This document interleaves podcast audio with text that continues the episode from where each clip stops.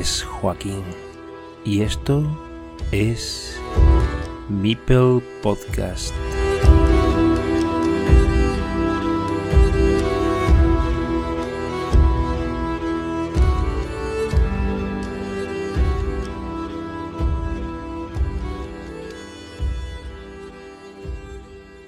Bienvenidos nuevamente. Recuerdo el día en que accedí a Carcassonne Spain. Ya en BGA existía una comunidad, que es más tangible que cuando juegas a Carcassonne en la plataforma de Steam o de Epic Games, o en Android, todas ellas implementadas por Asmode.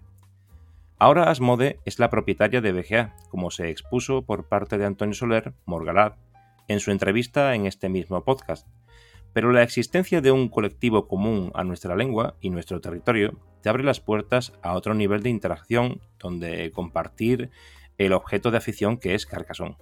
Eh, personalmente me sentí enormemente entusiasmado cuando sucedió este momento, la entrada en Carcassonne Spain, y realmente esa imagen, aunque permanece, va quedando atrás porque ya uno es más consciente de lo que hay eh, en la comunidad y de sus limitaciones, al margen de la ambición por crecer y el trabajo que nos damos en conjunto para avanzar y asentar esta comunidad. Pero ¿os acordáis cada uno de vosotros cuándo fue ese momento? Algunos de los que estáis escuchando en estos instantes eh, habéis sido los gestores de esta idea, o al menos de los que habéis colocado la primera piedra. Otros habéis venido a completar el puzzle organizativo. Y la gran mayoría estáis llamados a participar, a formar comunidad.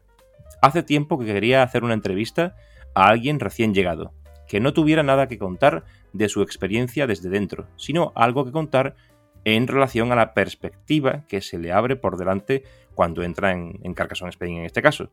Es el caso de nuestro invitado de hoy. Pudieron ser otros, pero en sus inicios existieron unas necesidades diferentes al echar a rodar este espacio. Luego se dieron circunstancias que hicieron viable ciertos encuentros que hemos podido compartir con vosotros, nuestros oyentes, y pasados varios episodios, los que fueron nuevos miembros de Carcassonne Spain ya no eran tan nuevos. Este es el momento, y esta es la persona que he elegido. Nuestro entrevistado de hoy se llama Víctor, y su nick en BGA es Vic. Víctor, bienvenido a Mipel Podcast. Hola Joaquín, muy buenas, encantado de estar aquí. Nosotros también encantados. Mira, en, este, en todo este tiempo, como he mencionado antes, he querido hacer una entrevista a un miembro reciente de la comunidad para conocer de primera mano lo que piensa cuando la descubre, la observación del grupo, la percepción de la Liga Carcassonne Spain con sus respectivas divisiones, la selección nacional, aunque quede al margen de Carcassonne Spain, que no sea una propiedad de Carcassonne Spain, pero como se dilucidan aquí las, clasificaciones para acceder a la selección, pues eh, también los clasificatorios para Madrid, las plazas que la propia liga otorga para acudir a este evento, el hecho de que hayamos algunos que animamos el cotarro con los canales de Twitch, Mipel Podcast y todo lo que se te pueda ocurrir. ¿Cómo supiste de la existencia de este colectivo y qué mundo nuevo se abre para ti cuando accedes a Carcassonne Spain? Vale, pues eh, yo eh, llevaba un tiempo jugando en BGA. Yo empecé a jugar en BGA a raíz de la pandemia. Eh, y en un momento dado me empecé a interesar, porque vi que había algo de comunidad, vi que había movimientos donde habían competiciones internacionales, donde yo no acababa de saber cómo se gestaba, cómo se movía eso, y busqué, un día de curiosidad, busqué algo en internet. Descubrí que existía carcassonne.cat. Yo soy de Valencia y pensé, vaya, qué envidia, qué bien montado lo tiene esta gente, cómo qué organizado tal. Eh, y pues bueno, en ese momento ahí quedó la cosa. No vi que no supe encontrar nada al respecto donde pudiera participar de una manera más directa. Y pues bueno, decidí seguir un poco mi marcha y, a, la espera de, pues bueno, imagino que algún día esto eh, surgirá a nivel español o de Valencia o no sé. Y pues bueno, durante meses yo seguí jugando a mi marcha en mis partidas individuales, a veces en arena y, ya está, sin mucho, sin mucho ánimo de, trascender ni de llegar a nada. Eh, y en esto estaba yo hasta hace cuestión de un par de semanas, donde un día eh, me siguió como amigo en la BGA un tal de POC, que quizás te sonará, de Power of Carcassonne. Eh, y, a raíz de ahí mm, detecté o me, enteré de la existencia de un podcast, que quizás también te lo conozcas. Eh, en este podcast justo se acababa de publicar, el último episodio que se había publicado era el de... El, se habían hecho el sorteo para el Mundial de Carcassonne. Todavía no se había jugado ninguna partida. Eh, entonces, pues claro, con, curiosidad entré a escuchar, a ver esto que está pasando. Mm, en este episodio escuché que Valle 13 era la capitana, que había otra gente en el equipo y yo dije, oye, esto es lo que yo quería, estaba buscando desde hacía un tiempo. No sé exactamente cómo buscarlo. Entré en la BGA, busqué Valle 13, le un toque un poco informal y un poco con, confianza, pero bueno, muy amablemente eh, me, dirigió hacia, hacia la liga y hacia el grupo de, de Telegram. Y bueno, a partir de ahí ya descubrí un poquitín más, navegando por la web y esto, cómo de sorprendentemente bien organizado estaba para el poco tiempo aparentemente que, llevaba esto gestándose. Me encuentro una liga con varias divisiones que da mm, clasificación a, torneos, a la selección española, eh, con una web mm, muy, muy, pues muy aparente, muy, muy bien resuelta en principio.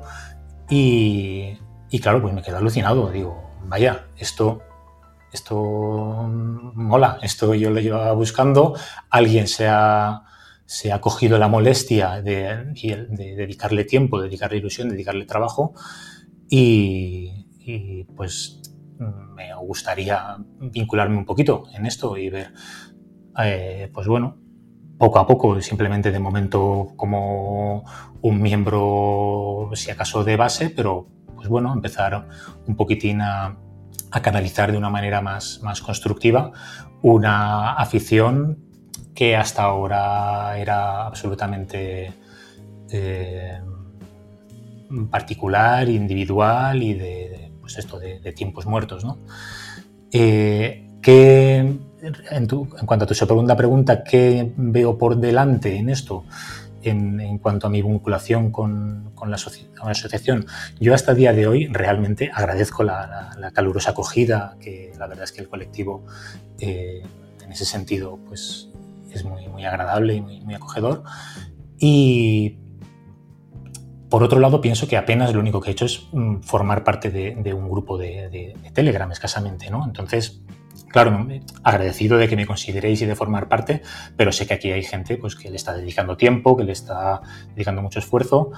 Eh, no sé si yo, mucho más allá de participar como miembro de un grupo, de, decir algunos mensajes y de jugar, si acaso jugar, si acaso me clasificar alguna vez eh, en alguna competición, no sé si me dará el tiempo para vincularme más allá, porque al final, pues como todo el mundo, pues cada uno tiene sus proyectos vitales y, el tiempo en, determinada edad es bastante limitado.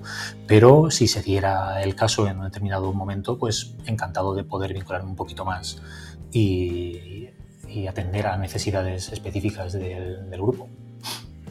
Muchas gracias. Eh, es curioso porque lo pienso y, es así. Veo algunas veces listados de españoles en MPGA porque se puede hacer una búsqueda, incluso hay algún compañero que ha hecho algún script para poder hacer filtraciones de, esa lista de jugadores, tanto en arena como en el correspondiente nivel de Elo, en la clasificación general a nivel de, de puntuación Elo y veo muchos españoles, o sea, jugadores con bandera española en este caso, que no conocemos, que no están en Carcassonne Spain y muchas veces pienso, bueno, hay gente que no conozca todavía Carcassonne Spain, o sea, habrá alguna cuestión que nos perdemos, o yo por lo menos que no es muy, fuerte, en la que estando presentes en BGA y, y bueno, y estando ahí la, la, página web, las redes sociales, todavía hay una cortina en la que hay gente que no tiene ni idea de la existencia de, esta comunidad. Tendremos que trabajar sobre ello porque supongo que habrá que hacer algo para que se sepa y, quien no lo sepa será porque, porque no, no porque no hayamos puesto en nuestra parte. Pero es curioso escucharte a ti porque de este modo entendemos que también eh, estando tú desde 2020 ahí, porque te he visto que más o menos es la antigüedad que tienes en BGA, ¿cómo es posible que no hayas hasta ahora escuchado esto? Aunque en realidad yo lo escuché hace unos meses, eh, pero fue cuando empezó. Y a día de hoy es un boom. De todas maneras, siempre hay fórmulas para, conectar y tú has tenido una de ellas. Y a partir de ahí, pues también lo has conocido. También me pasó a mí. Supongo que esto al final, la fuente de información al final es muy multifactorial y a cada uno lo lleva a llegar por un sitio. Yo sí que es verdad que te puedo decir de primera mano, yo tengo un compañero, que, un amigo que juega también más o menos aficionado a Carcassonne, tiene un nivel bueno, está cerca de los 500 de Elo.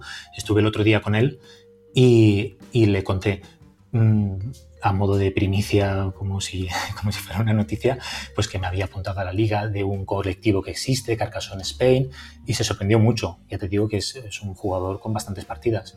Incluso me dijo que recientemente eh, había eh, tenido una partida con un jugador brasileño, no sé quién era ese jugador, y que le había dicho el brasileño, le había dado la enhorabuena por cómo de bien se estaba moviendo el tema de Carcassonne Spain.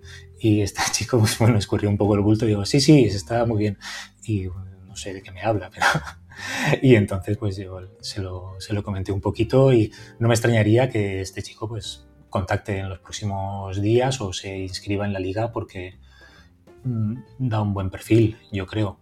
Pero en cualquier caso, sí, tienes razón que mm, no sé exactamente cuál es la fórmula, porque sería muy fácil spamear, pero tampoco de coger a los españoles, todos los españoles de BGA, como tú dices, ¿no? Por orden de Elo y empezar a mandarle mensajes, pero igual hay que hacerlo un poco, no lo sé, pero no es la manera más, correcta de hacerlo. No sé si a lo mejor, pues, de una manera más individual, cuando haya duelos que se presten al, diálogo, a hablar un poquito, pues en un momento dado en, la conversación del duelo se pueda ir introduciendo, pues si no conoces esto colectivo, pasarle un enlace o algo.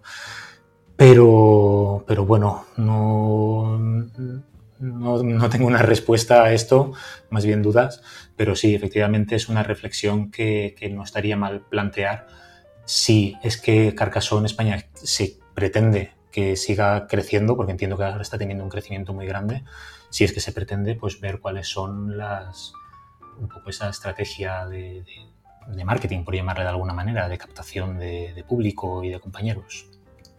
Eh, desde mi punto de vista, no eres un jugador más que ha entrado un poco después a la comunidad, que también, por decirlo de alguna manera. eres un jugador de Board Game Arena que roza el estatus de, de Master, con 635 puntos de Elo, creo que, he visto, pero con muy pocas partidas. ¿Cómo es eso? ¿Tenías otro nick anterior a este o...? No, no, solo he tenido este. Eh, yo, la verdad es que cuando, cuando juego tanto a Carcassonne como a cualquier otro juego, Em, soy muy obseso, soy, muy, soy un obseso de conocer, a ser posible, ya en la primera partida, las mecánicas, los trucos, las estrategias.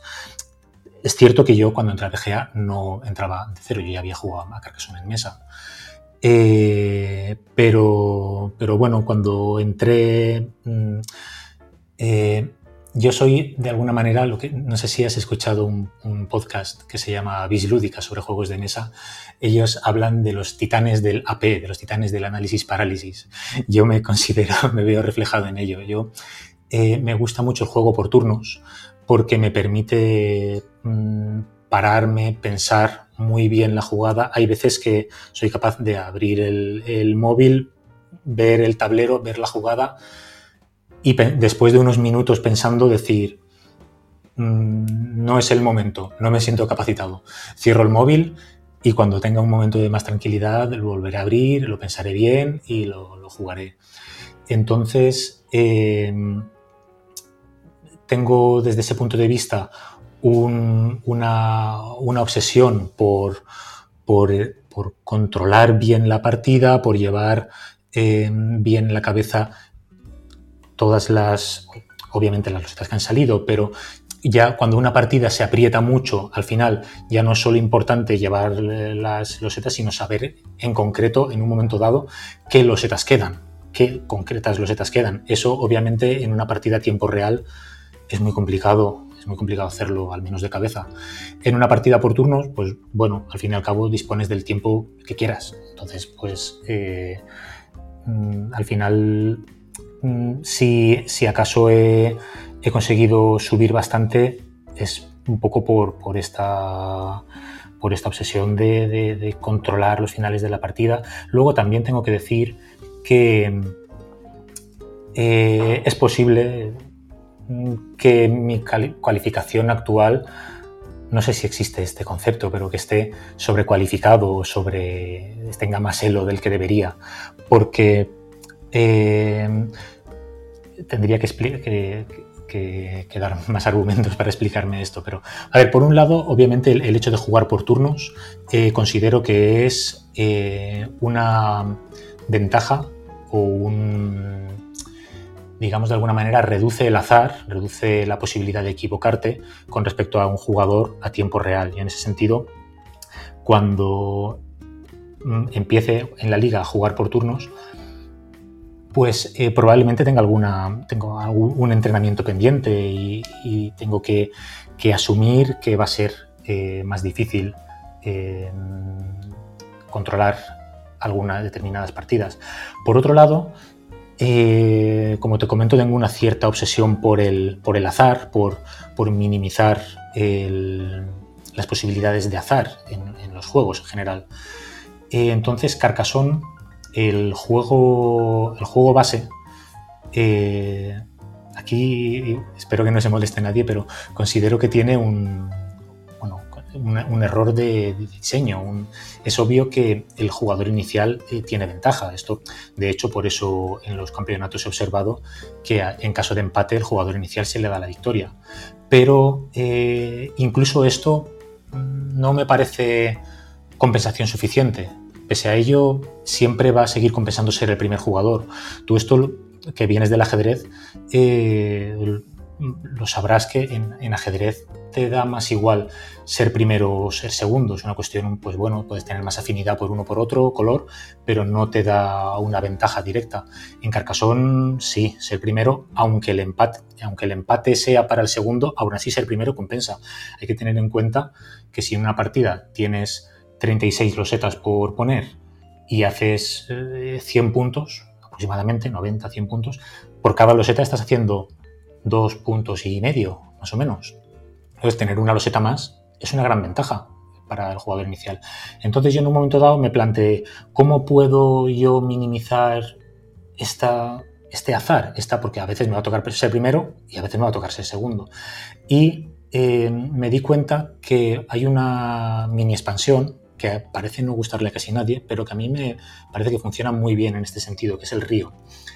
El río eh, añade 12 losetas, bueno, se elimina la, loseta inicial del juego, esa no cuenta, con lo cual se quedan 71, y se añaden 12 losetas, de las cuales la primera, de nuevo, no pertenece a nadie. Entonces, por tanto, 11 más 71, 82, si no me he equivocado. Eh, los dos jugadores tienen el mismo número de losetas, ahí se reduce la posibilidad de azar. Incluso, eh, aunque las tres losetas que tienen Ciudad del Río, en un caso de de azar le tocaran al mismo jugador, esto tampoco es necesariamente una gran ventaja porque probablemente no te vas a arriesgar a poner tres mipels en las tres ciudades porque vas a estar muy vendido en los primeros turnos, vas a tener mucha probabilidad de, que te bloqueen. Entonces, el río me di cuenta, para mi gusto y respetando todas las opiniones, pero que es una mini expansión que equilibra muy bien las posibilidades del primero y del segundo jugador. Entonces, pues bueno, a la vista de que en arena no se jugaba con el río, ni en los torneos, ni casi en ningún sitio se, suele jugar con el río, pues yo me dediqué a crear mis partidas por mi propio entretenimiento y llevo tiempo, pues eso, jugando partidas individuales con quien se quiera apuntar. Lo único es que he filtrado es que sean jugadores de más de 100 de Elo. Y lo único impedimento, pero que he visto es que últimamente es cierto que he jugado con, con una media de elo bastante baja las últimas partidas. Al principio de las primeras partidas que jugué al entrar a, BGA, jugué contra, en, arena contra jugadores de buen nivel y últimamente es cierto que mm, pues quizás no es la manera más constructiva, aunque más se puede aprender el jugar contra jugadores de, elo bajo. Yo no sé si esto en un momento dado me puede haber hecho aumentar mi elo por encima de, de, lo que lo habría aumentado si hubiera jugado contra jugadores de más nivel o no. Porque también es cierto que cuando pierdes, que de vez en cuando pierdes por azar contra jugadores con poco elo, pues te meten un palo en elo y bajas mucho. Sí, sí. Pero, pero bueno, en cualquier caso, mm, como tengo la intención próximamente de empezar a jugar más a juego base para prepararme para la liga, que será lo, próximo que, pretendo jugar, y también eh, jugar a tiempo real, pues eh, creo y probablemente no me equivoque que en los próximos semanas, meses, es posible que mi nivel de lo baje. Bueno, tampoco, tampoco es un trama, nadie al final juega por, por una cuestión de elo, es al final una cuestión secundaria. ¿no? Uf, miedo me das. me das miedo porque, verá, eh, en el buen sentido de la palabra, eh, me recuerdas un poco a David Escribano de Estroncio. Es que eres muy matemático. Observo que eres muy analista. Lo intento, sí, sí. La verdad es que eh, en general, en, mi vida, en mi trabajo, en general, procuro llegar al, detalle, al control de, de, las cosas. Y en los juegos, particularmente cuando te pones en una cosa que es por afición, pues lo haces de la manera que te nace, ¿no? Y, y, en ese sentido yo no soy una persona impulsiva, yo no soy incapaz de meterme en un juego y jugar tres partidas rápidas porque, porque me apetece en ese momento. Mm, y, realmente lo disfruto de esta manera, disfruto mucho entrando, pensándolo con tranquilidad, mm, viendo una opción, viendo otra. Mm, sí, sí. No me, no, a día de hoy no me compararía yo con Estroncio porque él lleva mucho tiempo demostrando su nivel y yo pues aquí soy un recién llegado que, tengo mucho que aprender, pero ojalá algún día pueda estar en, su nivel y compitiendo con él, sí. Humildad por delante de todo. Lo que sí es cierto es que he comentado algo del ajedrez por ahí y lo de las partidas lentas o en este caso eh, por turnos, evidentemente todo lo que se pueda analizar con tiempo y pensar, pues claro, mm, tiene una consecuencia eh, más razonada y por tanto pues se supone que, que está evitando el azar propio más bien de la persona. Sí, de, no, de, no, jugar eh, pensando o, buscando un razonamiento, evidentemente. Pero eh, Claro, en el ajedrez, por ejemplo, eh, tenemos las partidas rápidas que básicamente se basan en, ese instinto, en ese golpe de vista, en esa experiencia que uno tiene, en ese conocimiento, eh, que por supuesto le pones un jugador de un nivel inferior o aunque no sea muy mucho más bajo, pero le pone un, nivel de 300 elos por diferencia y el jugador fuerte lo machaca al otro totalmente porque está en igualdad de condiciones de tiempo. Pero en una partida lenta... Eh, evidentemente también, porque ambos jugadores tienen más tiempo para pensar y el que tiene más conocimiento y más experiencia, evidentemente tienen más, más capacidad de ganar. Eh, pero la única diferencia con el ajedrez, cuando mueves, por ejemplo, hablando del tema del de momento inicial de la partida, es que, eh, y eso genera mucha controversia también, porque claro, bueno, después también está que que se intercambian los colores si se trata de una liga o si se trata de un suizo, pues vas intercalando colores, pero la realidad es que comenzar con blancas no debe de suponer una gran tragedia, porque al fin y al cabo eh, es un juego de información completa, pero la única eh, mm, vamos a llamarlo ventaja que tiene la, persona que juega con blancas, es la iniciativa, que en ajedrez es muy importante. Pero claro, se nota más cuando, cuando más nivel tienen los jugadores. Y me quedo perplejo con la eh, exposición que has hecho del río, porque aunque mucha gente pues lo, comenta o lo, dice, pero lo has expuesto perfectamente y la verdad que, eh, que todos los jugadores tengan, o los dos, o los dos jugadores tengan en este caso, en el uno contra uno, eh, la posibilidad de poner la misma loseta, es una, es una cuestión bastante importante. Eh, así que mira, eh, eh, esta, esta, entrevista puede ser muy útil también por estos aspectos que, está, que estás comentando. que por cierto, te iba a preguntar por el nick, que no te lo he preguntado antes, y lo de Vic, exactamente qué significado tiene, Víctor. Pues bueno, es una...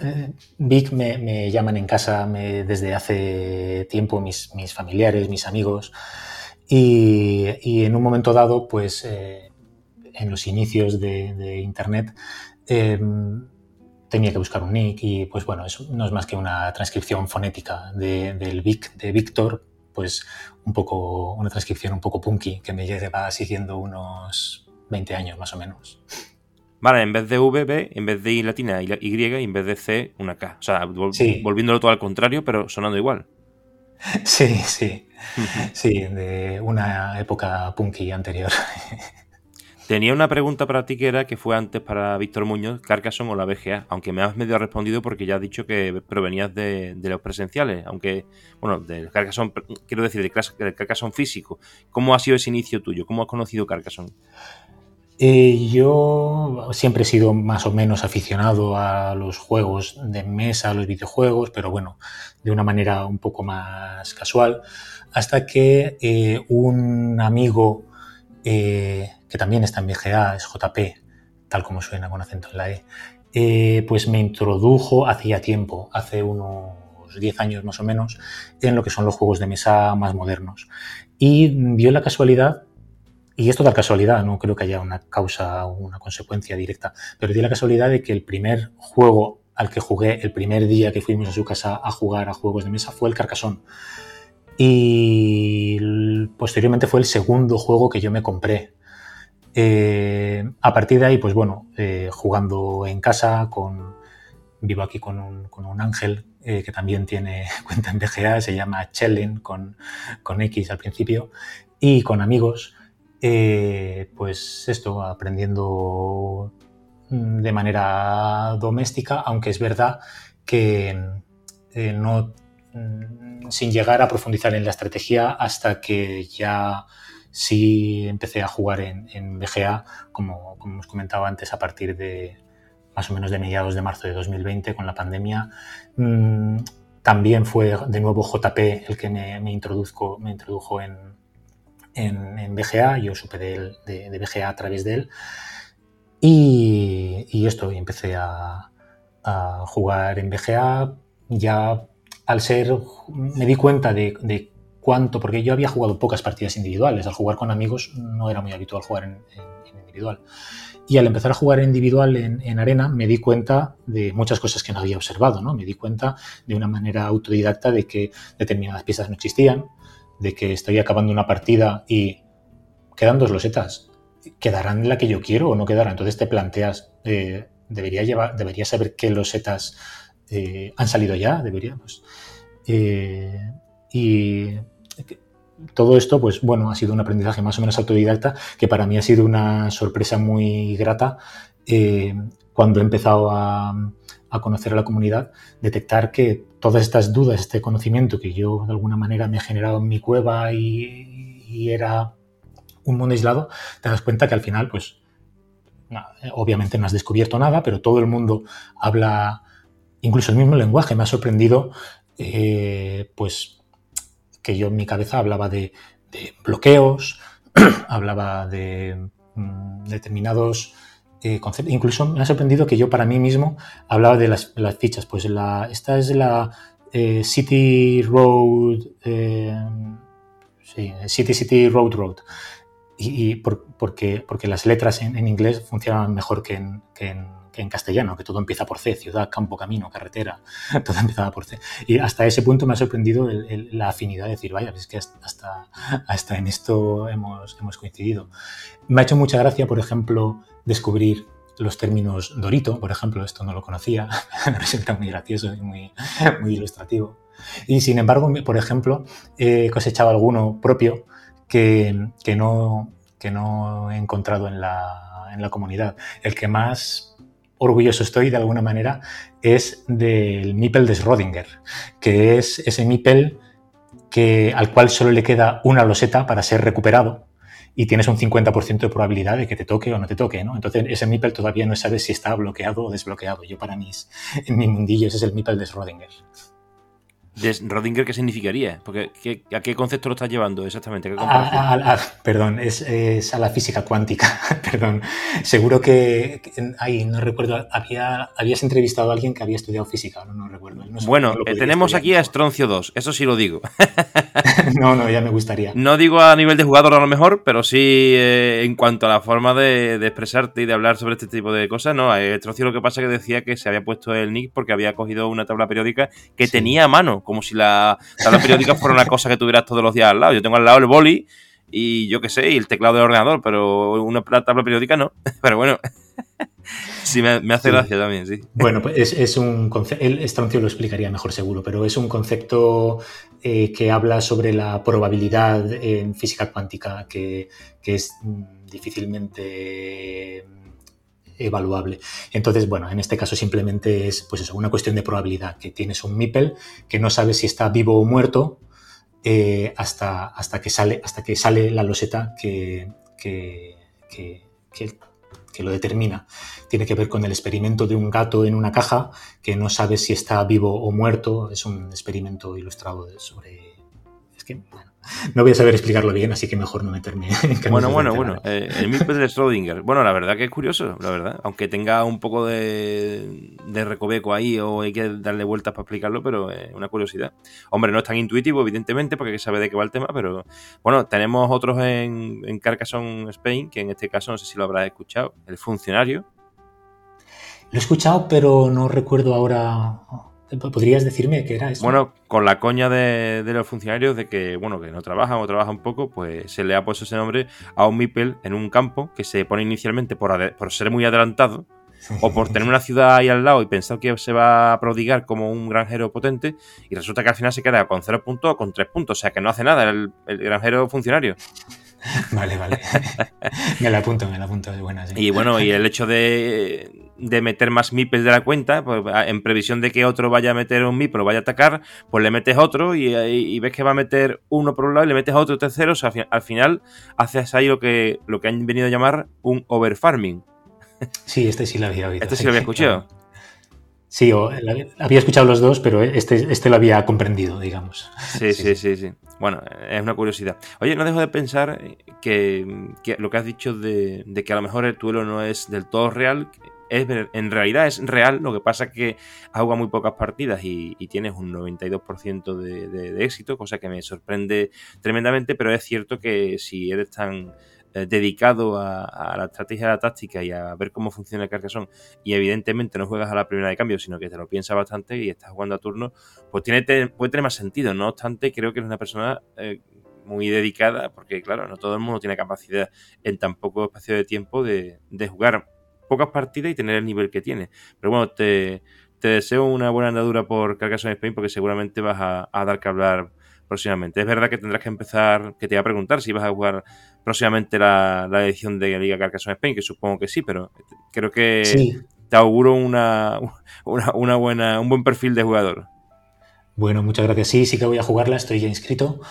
Eh, creo que empieza en septiembre. Hasta entonces, pues me tengo que proponer aprender a jugar a tiempo real con 22 minutos y medio y, y y entrenarme más en el, juego base, porque quieras que no, también tiene alguna peculiaridad. Yo, yo las primeras partidas que, jugué en Carcassonne, eh, cuando empecé, cuando entré en la BGA, eh, fueron sobre todo en arena, en la primera temporada de arena. Eh, y ahí se jugaba con la expansión de posadas y catedrales, y no sé si también con el río, me parece que también con el río. y entre otras cosas, aparte de que tenía mucho más dosis de azar, porque pues, te pueden meter una catedral en un momento dado, en una ciudad incipiente y hacerte perder un MIPEL, es, tenía esa dosis de azar. Pero además también resultaba ser un juego mucho más largo, tenía muchas más losetas. Entonces yo me, en ese momento me perfilé mucho en un tipo de juego muy al, puteo, al ataque, al bloquear al contrario y a ser muy prudente con los meeples que yo ponía. Y entonces cuando he empezado a jugar cada vez con menos losetas en el río y ahora en el juego base, eh, me doy cuenta de que esta estrategia cada vez sale menos a cuenta, porque aunque consigas bloquear, que es importante, pero no hay tanto no hay una partida tan larga para sacar rédito de esos bloqueos. Entonces hay veces que te das cuenta de que vas por media partida, te has centrado mucho en bloquear y, no has conseguido bloquear, tampoco te has hecho muchos puntos y, estás en una situación incómoda de decir, mm, total, que sí, que tengo que entrenarme para cogerle la medida al juego base porque, porque al estar acostumbrado a partidas un poquito más largas, em, creo que me va a resultar incómodo en ocasiones. Voy a, tener situaciones a las que no estoy acostumbrado. Algo así como que no se base el estilo de juego en un sentido de bloqueo, sino que aproveche determinados movimientos para pensar en, puntuar, pero que al mismo tiempo pueda dar la posibilidad de un posible bloqueo al adversario. Lo que viene siendo jugar al estilo japonés, vamos a llamarlo así, que es lo que hacen ellos, ser creativos, pero al mismo tiempo te están posibilitando jugadas ulteriores de bloqueo o, de más puntos, al fin y al cabo. Hay que aprovechar el momento del bloqueo, no, no hay que buscarlo, vamos a decirlo así, ¿no? Sí, sí. Eh, claro, cuando la partida es más larga, sale más a cuenta invertir, perder un turno en un momento dado. Aquí podría hacer dos puntos, pero si te la pongo aquí, le estoy limitando a dos outs. Mm, cuando, si la partida es muy larga, sale más a cuenta. Cuando la partida ya no es tan larga, el balance cambia un poquito y habrá veces que saldrán más a cuenta los dos puntos que, esa condicionante de dejarle a dos outs. bueno, supongo que al final depende un poquitín, hay que ser flexible con el estilo de juego y no eh, es mejor no obsesionarse con un estilo de juego, sino saber leer la partida y, saber en cada momento adaptarse a las condiciones, claro. ¿Sigues a la selección española? La estoy siguiendo con mucha ilusión, sí. Eh, de hecho, yo no soy así muy seguidor en general de, deportes y en casa eh, Chelen está bastante sorprendida con, que de repente estoy conectándome a retransmisiones en directo de partidos y, y sí, la verdad es que es, muy, es muy divertido, muy ilusionante. Tengo la, ilusión de algún día poder estar ahí y, formar parte, pero ver un equipo pues pues bueno, pues de, frikis en el mejor sentido de la palabra, como yo mismo me considero, estar ahí representando a nivel nacional, ¿no? Al final, al país, pues dices, pues, oye, ojalá esto mm, crezca mucho y coja trascendencia, porque, bueno, al fin y al cabo es una selección española y, el juego tiene mucha proyección, tanto en la, tanto la BGA como plataforma como, como Carcassonne Spain, pues eh, son capaces de, generar mucho arrastre en el futuro. Y, sí, lo estoy, ya te digo, siguiendo. No, probablemente no pueda seguirlo siempre por cuestiones de trabajo esto, pero, pero bueno, cuando pueda y cuando me cuadre intentaré eh, desde la grada echar algún ánimo a los que se están ahí batiendo el cobre, a ver si tienen un buen resultado. Eh, te voy a hacer esta pregunta a ti por ser más, más reciente, más nuevo en la comunidad. Los demás ya están acostumbrados a que todo es gratuito, pero existe la posibilidad de que este colectivo se convierta eh, en una asociación próximamente. Mm, voy a decir esto de motus propio, porque nadie me ha instado a decir esto en el podcast, pero vendrán gastos que habrá que asumir y te propongo que respondas a la pregunta que, puede ser un termómetro para medir la iniciativa participativa de los miembros de la comunidad. Te la hago a ti la pregunta, pero le va a servir a los demás para planteárselo también a sí mismo. Si se plantea la necesidad de instaurar una cuota de socio, y fíjate, te la pregunto a ti que llevas poco tiempo y a lo mejor no, no sé, el que lleva más tiempo sabe lo que hay y, tú que lo estás descubriendo ahora, eh, a lo mejor te puede chocar más, pero te hago la pregunta. Si, existiera esa necesidad de instaurar una cuota de socio, ¿permanecerías en el colectivo? O dicho de otro modo, ¿qué tendría que tener caso de Spain para que tú pagaras una mensualidad? Aunque fuera simbólica, claro, no, no, estoy hablando de una cuota tipo Netflix, sino una pequeñísima aportación con la idea de sostener el crecimiento de Carcassonne Spain como asociación, en el caso de que se terminara constituyendo como tal, lo cual le da ya cierta envergadura al proyecto colectivo. Sí. Eh, pues sí, claramente el, intuyo que el, colectivo es posible. Como recién llegado me es un poco difícil opinar de estas cosas, pero, pero bueno, desde, desde la mayor ilusión y sin querer pisar ningún callo, es posible que esto se tenga que transformar para poder seguir creciendo de una manera ordenada y que, porque al fin y al cabo, el otro día me dijeron, uh, bueno, hoy mismo me lo ha dicho, un recién llegado a la comunidad, encantadísimo de que me acojáis, pero es que yo realmente lo único que he hecho es inscribirme en un grupo de Telegram. Entonces, eh, claro, es cierto que esto probablemente necesite para un buen funcionamiento futuro un poquito más de estructura. Yo no me puedo considerar igual mm, que la gente que ha estado programando la web, que ha estado organizando la liga. Mm, no, claramente no. Eh, entonces, mm, desconozco cuál es la fórmula porque al ser una... Las asociaciones comprendo, ah, desde al menos las que yo conozco, funcionan mucho a nivel eh, municipal.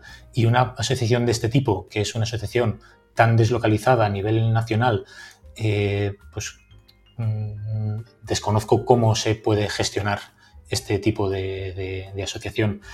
en cualquier caso, eh, ya yendo más al grano de, la pregunta de qué debería tener para que yo me, me plantee pagar una pequeña cuota, para mí yo creo que el hecho de tener una liga organizada como se está viendo de bien organizada que está, incluso una liga que te da acceso a una selección, a unos campeonatos, yo creo que es motivo más que suficiente para plantearse mm, cualquier persona pagar una cuota. Más allá de que luego eh, entiendo que esto que de primeras empieza como una relación casi, digamos, de alguna manera eh, contractual, de me inscribo en una asociación para pago una cuota y, me da acceso a una liga, en el fondo y con el tiempo se acaba traduciendo en una relación de corresponsabilidad en la cual eh, comprendes desde primera mano que es tu, de alguna manera, tu obligación eh, asumir parte de los gastos para que toda esa mm, actividad se pueda mantener, porque esos gastos al fin y al cabo existen. Y no es justo que los tenga que asumir el más ilusionado o, el más echado para adelante. Pues en ese sentido es claro que, aunque sea simplemente por, una solidaridad y por un efecto de comunidad, no habría ningún problema en, asumir una pequeña cuota, claro. Sinceramente me encanta la respuesta y, me encanta la entrevista, de verdad. Si ahora en veranito abrimos la posibilidad de plantear algún torneo en BGA gratuito, con identidad propia, orientado o no a la comunidad Carcassonne Spain, ¿estaría dispuesto a participar? Un torneo en BGA. Un, torneito o varios torneitos. Vamos, en realidad no lo digo como Carcassonne Spain, hablo en general. Por si a alguien se le ocurre, o incluso como, como el podcast como entidad propia, un torneo Mipel Podcast, yo qué sé, se me está ocurriendo mm. ahora. Claro, yo encantado de participar. Yo, de hecho, ahora, cuando me he planteado eh, empezar a jugar un poquito más al juego base, eh, me ha dado un poco de pereza empezar a jugar en arena porque en la primera temporada de Arena que jugué, si no recuerdo, no, sé exactamente, tuve una, una, clasificación bastante alta, no me acuerdo exactamente, estuve en el top 20, eh, pero me supuso muchas partidas y, a día de hoy pues no me apetecía vincularme tanto en el sentido de jugar tantísimas partidas. Entonces he empezado a jugar algunos torneos, eh, torneos de estos de BGA, tipo de semana, no sé cuántos. Y pues bueno, de alguna manera para empezar a retomar el contacto con el juego base y tomar contacto con jugadores de, alto nivel. Entonces, si estos torneos se organizan desde BGA, perdón, desde Carcassonne Spain en BGA, pues claro que, mejor que, que, además jugar con gente con la que he escuchado sus entrevistas, eh, quizás algún día me encuentre en presencial con ellos, pues bueno, una manera de, empezar a tener un, contacto, sí, claro. Yo, si esto se hace, claro que participaría, sí. Eh, dime algo que al oír los episodios de Mipel Podcast hayas echado eh, de menos. Un espacio para alguna cosa determinada que plantear a todos los entrevistados, otro tipo de formato de episodio distinto de, de las entrevistas o de las mesas de debate o de los monólogos del presentador. ¿Qué se te ocurre? Mm, algo que haya echado de menos. A ver, eh, es cierto que el, programa mm, tiene un, formato mm, más o menos entrevista en su mayoría a partir de ahora.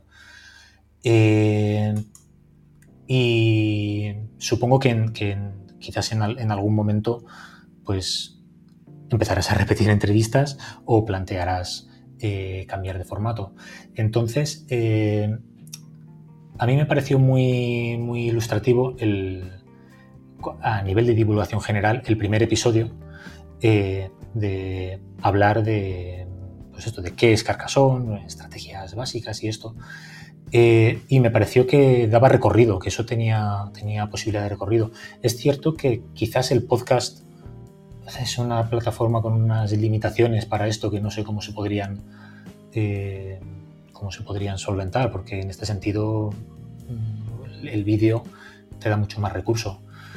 Eh, pero seguro que, con un poco de imaginación se podría dar algo de, complementar en este sentido. En cualquier caso, yo los programas que he escuchado, la mayoría, como te comento, de entrevistas, Mm, los he visto, no, sería capaz de, juzgarte en, algo, en una falta, en algo negativo. La verdad es que los he visto muy, muy amenos y muy, muy completos. Muchísimas gracias. La idea inicialmente era también hacer este tipo de podcast, un poco en relación a la divulgación, por aquello por lo que yo me encontré en un inicio, que era que me faltaba información o buscaba algo donde plantearme la mejora de mi juego y al no encontrarlo pues pensé, bueno, en la medida en la que yo voy aprendiendo también puedo yo divulgar esto para generar algo algún recurso, algún contenido para otras personas que se inician. Inicialmente he pensado en ellos, después eh, aumentar esto pues a, a no sé, a, a, performance, ¿no? A mejorar un poquito todo lo que es eh, la actuación del jugador que ya sabe cómo se juega en Carcassonne. ¿Qué pasa? Que evidentemente has apuntado muy bien a que no es lo mismo un podcast que, por ejemplo, un vídeo en YouTube.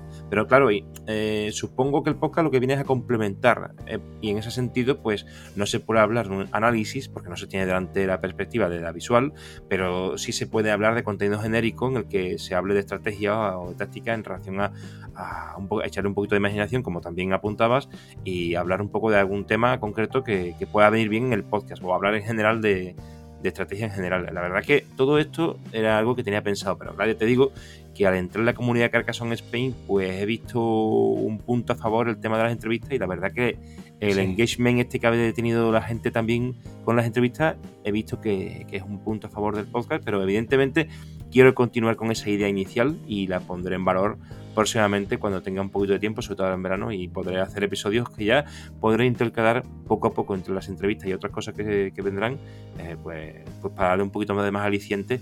Y te agradezco enormemente que hayas tenido esa, esa condescendencia de eh, recalcar el episodio 1, que casi nadie lo, lo menciona, porque la verdad es que es un trabajo que tiene que darle mucha vuelta a la forma de explicarlo para poder llegar a la conclusión de que el episodio tenga sentido para la gente. Y, creo que lo ha escuchado bastante gente, pero no se menciona muchas veces y te agradezco que lo, haya, que lo hayas hecho.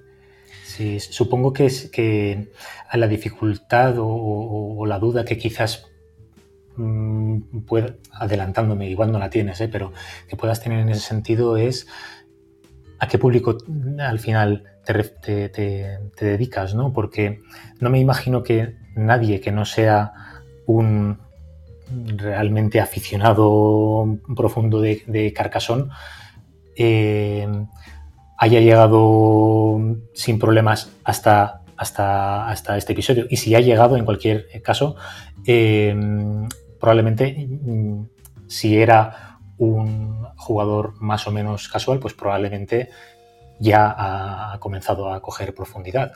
Entonces, eh, entiendo que, en ese sentido la divulgación que hagas deberás probablemente ser una divulgación ya pensando en que el público que, te va a escuchar es un público muy conocedor y, no, quizás no tenga sentido volver a, al nivel del episodio 1, que era una divulgación mucho más generalista. Pero bueno, en cualquier caso, eh, seguro que tú tienes ya pensamientos sobre esto y lo tendrás más que, más que reflexionado. Sí, yo inicialmente tenía pensado hacer una estructura desde cero pero evidentemente acelerada, porque la idea básicamente es que haya una estructura dentro del podcast o dentro de un libro o dentro de lo que sea, donde se especifique cómo se empieza a jugar con las reglas y a, continuación pues avanzar. Evidentemente el paso de la mejora se adquiere con la experiencia, con vídeos, analizando también, evidentemente, seguramente, y como han apuntado otras personas en, otras entrevistas, y evidentemente pues conociendo el juego y, experimentando directamente jugando, ¿no? ya, sea, físicamente o, en VGA en este caso, que, es una herramienta muy potente, la de la plataforma VGA, para poder participar y además donde, donde te encuentras un montón de gente de, nivel con los que poder eh, jugar, ¿no? Pero sí, tenía la idea de hacerlo estructurado y evidentemente llegar al nivel en el que podemos ya compartir más cosas con los jugadores que evidentemente llegan al podcast porque ya conocen este tema y están dentro del ámbito del juego. Si no, normalmente hay gente nueva va a ser más difícil de, plantearse explicarle cosas básicas porque o esa persona o no, está en, el, podcast, no, no, llega a controlar este, esto, este ámbito o, o directamente cuando ya accedes al podcast, bueno, ya te queda un poco corto este tema y has apuntado bien también. La verdad que me lo apunto porque es interesante esa reflexión que, has hecho. Y quería preguntarte que si querías plantear alguna cuestión aquí eh, como propuesta o simplemente como aportación personal para mejorar o, si quieres comentar algo relacionado con la comunidad. Te dejo aquí esta ventanita donde puedas hablar o expresar algo que, que quieras decir o saludar a alguien, no sé.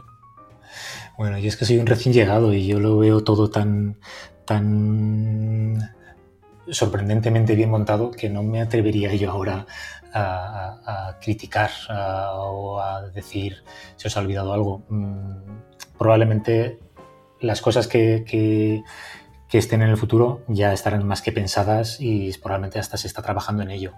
Y yo por mi parte esta ventana, si acaso la puedo aprovechar para algo, es para agradecer a esas personas que están un poquito generando comunidad y dedicando su tiempo siendo tú una, una de ellas con este podcast, para que, pues eso, a base de trabajo mm, que imagino que a veces será un poco ingrato o a veces como mínimo seguro no remunerado, pues gracias a eso podamos los demás disponer de información, disponer de un foro donde encontrarnos y de, de, una serie de recursos que nos permiten pasarlo bien, conocernos y disfrutar del juego. ¿Alguna pregunta para el presentador? Sí, mira, te quería preguntar eh, eh, cuál es tu, experiencia previa con, con, tema de podcasting y si has tenido algún podcast anteriormente y tenía pensado también preguntarte acerca de tus planes de futuro con esto, pero quizás lo podemos dejar ahí porque ya hemos hablado un poquito sobre, sobre esto. Esto, conocer tus antecedentes en el mundo de la radio o del podcast. En el warm, warm up, como lo dicen en el bueno pues en las carreras, ¿no? De automovilismo, eh, Fórmula 1 o, en las motos, en el warm up, en el calentamiento, básicamente, hemos hablado un poquito del tema. Eh, bueno, mi experiencia en el podcasting es cero. Lo que pasa que me pasa lo que a ti con Carcassonne, que antes de ponerte a, a pelear ahí en un tablero, te has visto mucho sobre el juego y lo has, te y, la verdad que en poco tiempo has conseguido estar ahí con un éxito tremendo en, el juego, ¿no? Pero el podcast, básicamente, yo antes de empezar, pues que le he dado mil vueltas a, páginas web, a, otros podcasts, a vídeos y, la realidad es que no he seguido una ruta hecha, una estructura de, conocimiento, sino que he ido pegando aquí y de allá y yo mismo me he tenido que un poco conformar la cabeza hasta eh, las ideas en la cabeza hasta que he encontrado algunas cositas donde ya he, visto más sentido para iniciarme eh, un poco en todo. El material también y demás, pero como yo digo, como dije en la entrevista de Pérez, es un micrófono y mucho, mucha ilusión y mucho entusiasmo. Básicamente es eso. Y si es verdad que tenía un precedente de tal vez un par de meses más atrás, no mucho más, relacionado con un podcast sobre mi trabajo. Y evidentemente es un poquito más, eh, no sé cómo decirlo, más saborido, porque no es igual que, este que es más entretenido, que es de, un juego. Y de hecho lo tengo un poco parado, aunque tenía más ideas y era un poco por, divulgación. igual que este también, pero este ya se ha metido un poco más en faena. Y bueno, esa básicamente sería mi, mi... En realidad me estoy formando como podcaster, si es que se le puede decir a esto que estoy haciendo, formarme o, tener más conocimiento sobre ello en la medida en la que voy haciendo entrevistas y voy, y voy ahí editando y voy conociendo otras herramientas que no conocía. O sea que en realidad estoy aprendiendo sobre la marcha. Y bueno, evidentemente pues un recurso que se da a la comunidad pero yo lo hago con mucho gusto porque a mí me gusta y, aprendo muchísimo con vosotros y, la realidad es que aunque me deis las gracias a mí, yo os tengo que dar las gracias a vosotros por estar aquí en este momento e invertir el mismo tiempo que estoy invirtiendo yo, así que también muchas gracias. Y lo otro que me habías eh, consultado a futuro, decía, del, podcast, en realidad, o no, no, recuerdo la segunda pregunta, ¿me la pones? Sí, bueno, eh, sí, mira, te, la voy a desarrollar un poquito más. Eh, yo sí si algo he dedicado más tiempo que a Carcassonne en esta vida es escuchar podcasts. Soy, soy un, un, viciado de, como, como oyente. ¿eh? y, y, ha sucedido muchas veces en muchos podcasts, mm, pues que nacen de manera similar a, como este nacido, un podcast que nace con mucha ilusión, con mucho esfuerzo por parte de una persona.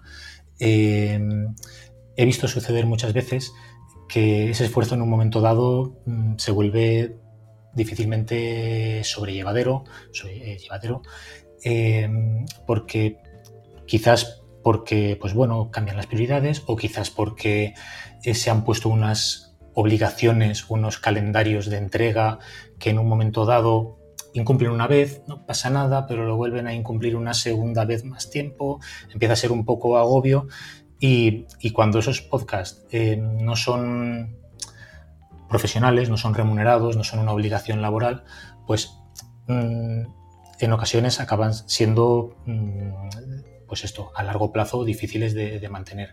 Y las experiencias que sí he visto que funcionan mm, muy bien en este sentido es cuando eh, el podcaster, el trabajador, el que está dando el callo, es capaz de digamos, de domesticar a su audiencia, de decir, no os acostumbréis a que vais a tener un podcast semanal, sino que irán saliendo tranquilos, o, esa es una opción, u otra opción es eh, podcast que no dependen tanto de una única persona, sino que hay un equipo mm, amplio detrás, donde en un momento dado la falta de una o dos personas no, no es impedimento para que el podcast pueda producirse, editarse y tener su regularidad. entonces, pues en este sentido sí que iba un poco la, las ganas de saber de mm, qué futuro, qué, ganas, qué tienes pensado algo de pedir ayuda, lo ves tú como un proyecto solo personal, eh, le ves una caducidad, lo ves para siempre, no sé. Esta es una pregunta dura. es abstracto para mí el futuro, Víctor. No lo sé con seguridad. Y la realidad es que no quiero eh, hacer pensar a nadie que esto pueda desaparecer algún día, porque la verdad que se genera mucho interés por el, por el podcast, pero la realidad es que el interés del podcast de los demás es también mi interés por continuarlo. Lo que sucede es que evidentemente has apuntado todo los detalles que uno piensa cuando está haciendo esto. Y claro, en la familia muchas veces, oye, estás ahí metido en el ordenador mucho tiempo. Oye, ¿qué pasa? Vamos a hacer esto, vamos a hacer lo otro, y estás ahí otra vez en el ordenador. Y al final estoy preparando algo, estoy llamando a alguien, estoy mandando un mensaje y, todo está relacionado un poco con Carcassonne últimamente porque es como lo, que me pasó con el, con el club de ajedrez cuando en su momento estuve presidente de un club de aquí municipal, que evidentemente cuando comentaste lo de las asociaciones municipales son las que más se viven porque la tienes cerca, vas presencialmente a ellas y, las vives más. Una asociación nacional es más deslocalizada como tú dices, pero eh, en realidad me voy por las ramas, voy a centrarme en lo que me ha consultado y la realidad es que eh, inicialmente es un proyecto personal eh, el guiño que le hago a Carcassonne Spain es porque yo estoy dentro de Carcassonne Spain, evidentemente, y lo he enfocado de esta manera, pero yo lo abro a, un ámbito internacional en cuanto hago entrevistas a otras personas, en un ámbito de colectivos, en cuanto hago también entrevistas a gente de Carcassonne.cat y en general eh, otras entrevistas que vendrán que no tienen que ver ni con colectivos ni con entrevistas internacionales, pero que tienen que ver en el mundo de Carcassonne y no puedo adelantar ahora mismo porque tampoco están definidas y tengo mucho carrete por delante, pero el hecho de. Aquí hay varias, varias cosas. El hecho de, de, supeditarlo en un grupo de trabajo eh, es posible, pero entonces habría que asumirlo, tal vez, si se enfoca desde el punto de Carcassonne Spain, pues como un, trabajo más de Carcassonne Spain. Por ejemplo, el Twitch es propio de Carcassonne Spain, lo que pasa es que lo está dirigiendo eh, Fran, ¿no? Bueno, se llama Javi, lo que pasa es que se pone Fran en un lado, se llama Julián Apóstata en otro, pero... Eh, chico, con los nombres. Eh, ya os pido perdón por adelantado con los nombres, que no me voy a acordar de muchos de vosotros. Eh, el primero soy yo, lo que pasa es que ya las entrevistas también me están sirviendo para situar a todo el mundo y las partidas de la liga, todo, en fin, pero me cuesta trabajo porque la mayoría de la gente tiene triplicado el, el nombre. En vez de una cosa, en otra, en fin, es un rollo. Pero quería decir que, por ejemplo, el Twitch, eh, con el nombre de Carcassonne Spain, pues sí pertenece a Carcassonne Spain, pero lo está dirigiendo Frank en este caso porque tenía experiencia, ese, ese motivo por ello. Supongo que habrá que preguntarle también a él, ¿no? Pero supongo que con el tiempo también, pues habrá alguna otra persona que habrá con ese mismo nick de Twitch y puedan llevarlo entre, entre dos. Yo inicialmente había pensado en todas estas cosas, pero claro, una persona sola no puede hacerlo y todos los contenidos que yo tenía ideado inicialmente como eran un poco abstractos no tenían definición exacta en donde más se concretación el podcast pues inicialmente esto sigue siendo mi proyecto entre comillas pero el foco la atención el guiño permanece a día de hoy en Carcassonne Spain aunque haga otras entrevistas y es verdad que el 90% de, la, de, los, de, los, episodios están relacionados con entrevistas pero la idea es eh, abrirlo a otras cosas. Tú has apuntado una de ellas que es la idea de yo le voy a llamar monólogo, pero se trata un poco de poner en liza cosas relacionadas con el juego directamente, con la mecánica y con la estrategia y la, táctica. Eh, habrá otras cosas que no quiero desvelar, pero bueno, no son tampoco muy sorprendentes. Algunas vendrán ya próximamente porque está, alguna está grabada.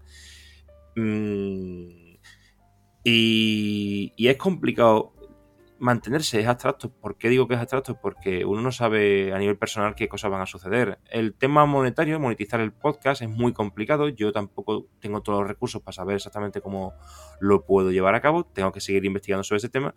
Se me han ocurrido cosas, pero nunca va a dejar de existir el podcast como un, con entidad gratuita, con entidad como la que se le conoce ahora. Nadie va a dejar de, perder de vista el podcast, tal como, como se le conoce hoy en día. Se me han ocurrido cosas, pero no porque con el tiempo, si esto tiene que tener algún sentido, tanto para a nivel familiar, oye, estás dedicando tiempo, pero esto te reporta algo. Claro, quien está a mi alrededor y no comparte esto de juego y no comparte esta ilusión, no entiende exactamente qué estoy haciendo con esto, ni con mi tiempo. Entonces, puede tener sentido si a lo mejor esto tiene algún tipo de remuneración. ¿Cómo conseguirlo? ¿Cómo invertir en algo que te permita al menos mantener la página web donde se inserta los audios del podcast o, el material que pueda adquirir próximamente para mejorarlo, no lo sé. Eh, son cosas que ya tengo sospechadas, pero eh, tengo que definirlas y que se adapten realmente a lo que la gente, lo que, es la audiencia, ¿no?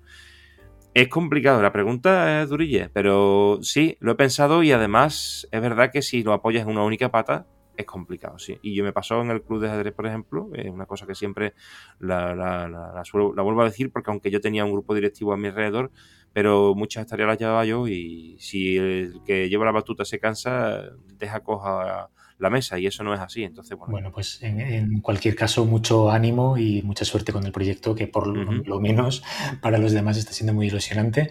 Para ti sé que también, pero eh, tú estás llevando la parte del trabajo, así que por ese lado, pues el agradecimiento y el, y el ánimo para seguir adelante con esto.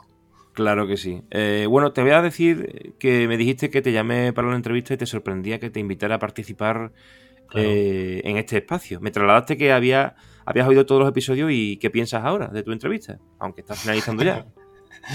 A ver, en este podcast pues has entrevistado, el último programa lo escuché esta mañana, mm, Willem de Goy, bueno, cuando lo escuchen esto será, será otro, imagino, pero yo esta mañana he escuchado el de Willem, he escuchado a Melvin Cuaresma, he escuchado a Wallace Prime, he escuchado a la plana mayor de Carcassonne, España, he escuchado a, no me viene el nombre, el, Alexei, el de Letonia, eh, y, yo pienso, mm, sigo pensándolo, ¿eh? agradecido por, por, vuestro interés y, soy consciente de que puede llamar la atención el, nivel de lo que, tengo en la actualidad, pero es que realmente no he hecho nada en el mundo carcasonero. Entonces, pues mm, en ese sentido, mm, si acaso puedo tener algo de, de, sentido es este punto de vista que me has dicho de cómo cómo has visto la entrada, cómo la has visto desde fuera, cómo has visto que se ha creado la comunidad. Pero por lo demás, sigo sintiéndome, pues eso, que no, que, al fin y al cabo no he hecho nada en la comunidad ni en el juego frente a un montón de, figuras internacionales que, has, que has ya tratado aquí. Entonces, pues en ese sentido, mm, sorprendido y agradecido. y nada, espero no que dentro de un tiempo poder dar eh, sentido y con más, con más fundamento al hecho de estar hoy aquí. Seguro que sí, Víctor. Además, ¿de verdad crees que un fan number one de Mipel Podcast iba a quedar sin su trocito de pastel? Eh, aportas pensamiento fresco y coherencia. Yo creo que todo el mundo se lo va a esperar de, esta entrevista. No se lo esperaría antes de, pinchar el play. Mm, te voy a lanzar las preguntas de rigor y finalizamos la entrevista. Finalizamos con las preguntas, las cortas, como les suelo llamar yo. ¿Tu loseta favorita? mi loseta favorita. Te voy a decir una que, si no recuerdo mal, no la ha dicho nadie. Y no sé si te la dirá alguien. Y es muy triste porque no es una loseta...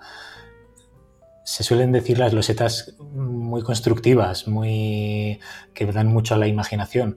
Pero hay una loseta que es muy puñetera. Y es una loseta que, que da mucho juego para jugar al bloqueo. Y es el caminito en L, el eh, camino, camino, campo, campo. Esa, esa loseta es demoledora cuando estás intentando eh, molestar y bloquear una ciudad, eh, el caminito en L es, es, una loseta que, hay muchas, que puedes ponerla por el lado del camino, puedes ponerla por el lado del campo y a efectos de destruir probablemente es la loseta más, más puñetera. Luego, en el sentido más constructivo, quizás tengo otra loseta que me gusta mucho y que además disfruté muchísimo una temporada que estuve jugando a la variante que se tienen tres losetas en la mano. Eh, y es la abadía con caminito. Es una, abadía, es una loseta eh, que, que, tiene muchas posibilidades. Te puedes eh, unir dos campos que era improbable que se unieran. Obviamente puedes ponerla para hacer un, un ¿cómo le llamaba? Evil Evil Hamster, creo que es el término que escuché el otro día en el Twitch, y poner y recuperar nueve puntos. Puedes ponerla por el sentir, por el lado del, camino, siempre es válido para poner dos o tres puntos si solo tienes un Mipel en la mano. Es una roseta que da mucha versatilidad en ese sentido. Sí, mucha modularidad porque además sirve para unir campos, como dice, o para cerrar un camino, o para sumar puntos como monasterio que es, o para ponerlo en un campo eh, para atacar ya sea con, la conexión de un camino, sea curva o sea recta, o, al lado contrario, pues con un campo. O sea, es una curiosidad. Sí. En la, en la variante que te guardes las tres losetas en la mano, es demoledora, o sea, lo hace todo el mundo, te la guardas para la última porque, claro, eh, sabes que en el último turno vas a, vas a unir un campo que te interese. Sí, la realidad es que la variante de Trollseta es una de las variantes más estratégicas. Además se llama variante estratégica o algo así, ¿no? O variante de Trollseta, no sé. La realidad es que es muy estratégica, totalmente estratégica. Eso es eh, para aquellos que realmente son estrategas de verdad, la, variante de Trollseta, sí. Mm. Cambia, cambia bastante la, estrategia del juego, sí. Efectivamente, tanto, con expansiones como con el juego base, sí. Eh, y bueno, hablando de expansiones, ¿qué expansión prefieres de Carcassonne?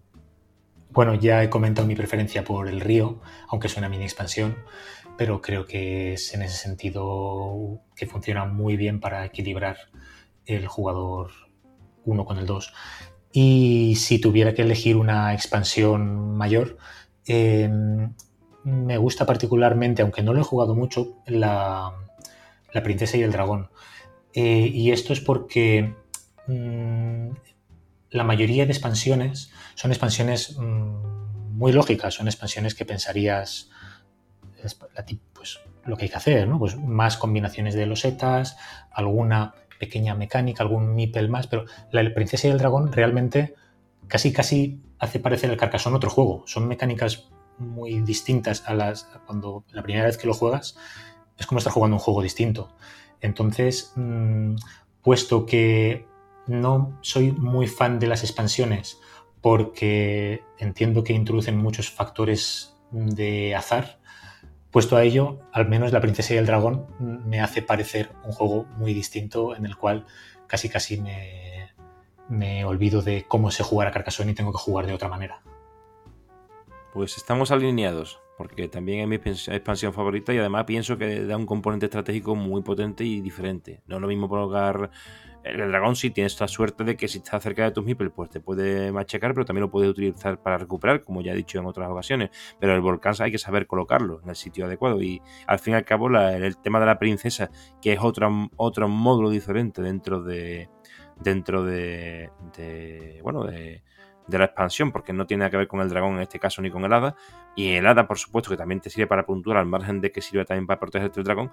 Ese, ese conjunto de cosas, la verdad que, y aparte de las, los que aporta evidentemente al juego, eh, es una expansión que a mí me gusta y hay gente que piensa que es simplemente pues una, una expansión pues de suerte o de putear y en realidad no es así.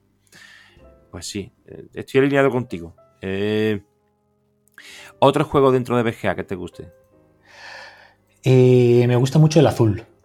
Eh, es un juego, bueno, es, muy conocido, además es muy popular, probablemente lo habréis jugado todos.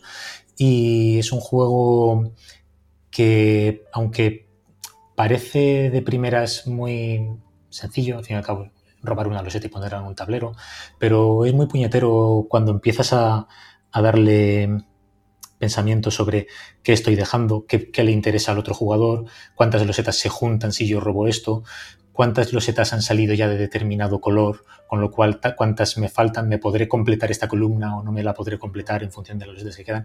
Es un juego que te da mucho, mucho para darle al coco. Está, es muy, muy divertido y lo estoy jugando últimamente bastante, sí, me está, me está divirtiendo mucho. ¿Y un juego fuera del catálogo BGA? Pues mm, a riesgo de no ser muy original voy a decir el Terraforming Mars. Es mi, es mi juego favorito. Eh, mira, por, simplemente por, comentar otro y un poquitín en, otro ámbito de, los juegos de mesa, eh, me gusta, ya de pequeño me gustaban y a día de hoy me sigue gustando el Magic, Magic the Gathering, el juego de cartas. Han sacado una plataforma también que se llama Magic the Gathering Arena y, es otro, otro juego que disfruto cuando puedo. Está muy bien.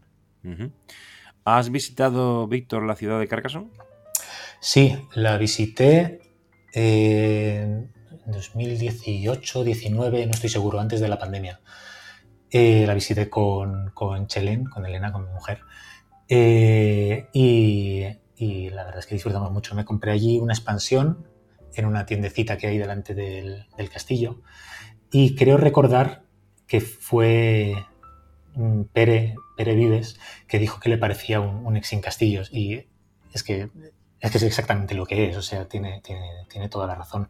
Yo en, otro momento de mi vida tuve la, oportunidad de estudiar algo de arquitectura y de, restauración y solo por eso ya sin, jugar a Carcassonne habría ido, sin jugar al, juego, habría ido a, Carcassonne porque es un, un ejemplo, un icono de los inicios de la restauración arquitectónica como disciplina, eh, cuando bueno, un arquitecto francés de mediados del siglo XIX, Viollet-le-Duc, eh, lo cogió Carcassonne casi como, como su, una especie de gran proyecto personal para, desarrollar a lo largo de su vida. Y, este hombre tenía la concepción de que la restauración de los monumentos eh, se debían hacer, mm, el monumento debía llevarse a su estado ideal, no ni siquiera al estado en que había sido alguna vez, sino al estado de cómo debía haber sido eso, ¿no? Cómo debía haber sido si se hubieran dado las, mejores condiciones socioeconómicas del momento para que eso se desarrollara. Y entonces la realidad es que a día de hoy Carcassonne mm, tiene el aspecto de una ciudadela medieval, pero es totalmente del 19 y es totalmente la idea de un arquitecto del, del 19.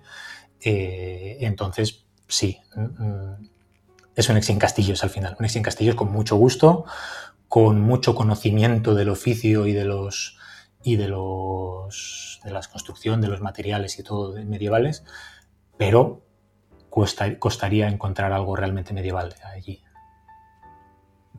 Sí, sí, lo dice porque la renovación que sufrió en la segunda mitad del siglo XIX, pues es más bien eh, moderna, vamos a llamarlo así, ¿no? Sí, y, y, muy integral, muy reconstructiva eh, y, no solo reconstructiva, sino constructiva incluso de, nuevo. O sea, Carcassonne en la Edad Media, nunca había sido así antes del siglo XIX. Había cosas, eh, había cosas medievales, había cosas incluso anteriores, pero, pero la realidad es que es, es un, casi se podría considerar un proyecto de nueva planta al estilo medieval, pero no es tanto una ciudadela medieval como tal. Muy bien, Víctor. Bueno, pues espero que te lo hayas pasado bien y a ver si tenemos ocasión de entrevistarte por alguna razón distinta de la que te ha traído hoy hasta aquí. Así que muchísimas gracias por tu visita y por tu presencia y por todo lo que nos has contado. Pues bueno, gracias a ti de nuevo por, por, este tiempo, por este esfuerzo, por todos estos ratos de, de entretenimiento que nos facilitas con tu, con tu trabajo. Un saludo a toda la comunidad que, me está acogiendo de una manera muy calurosa y muy ilusionante. Y nada, espero vernos por lo pronto en la BGA pronto y con suerte en algún torneo presencial algún día. Claro que sí. Muchas gracias y a todos los oyentes nos vemos en el próximo episodio.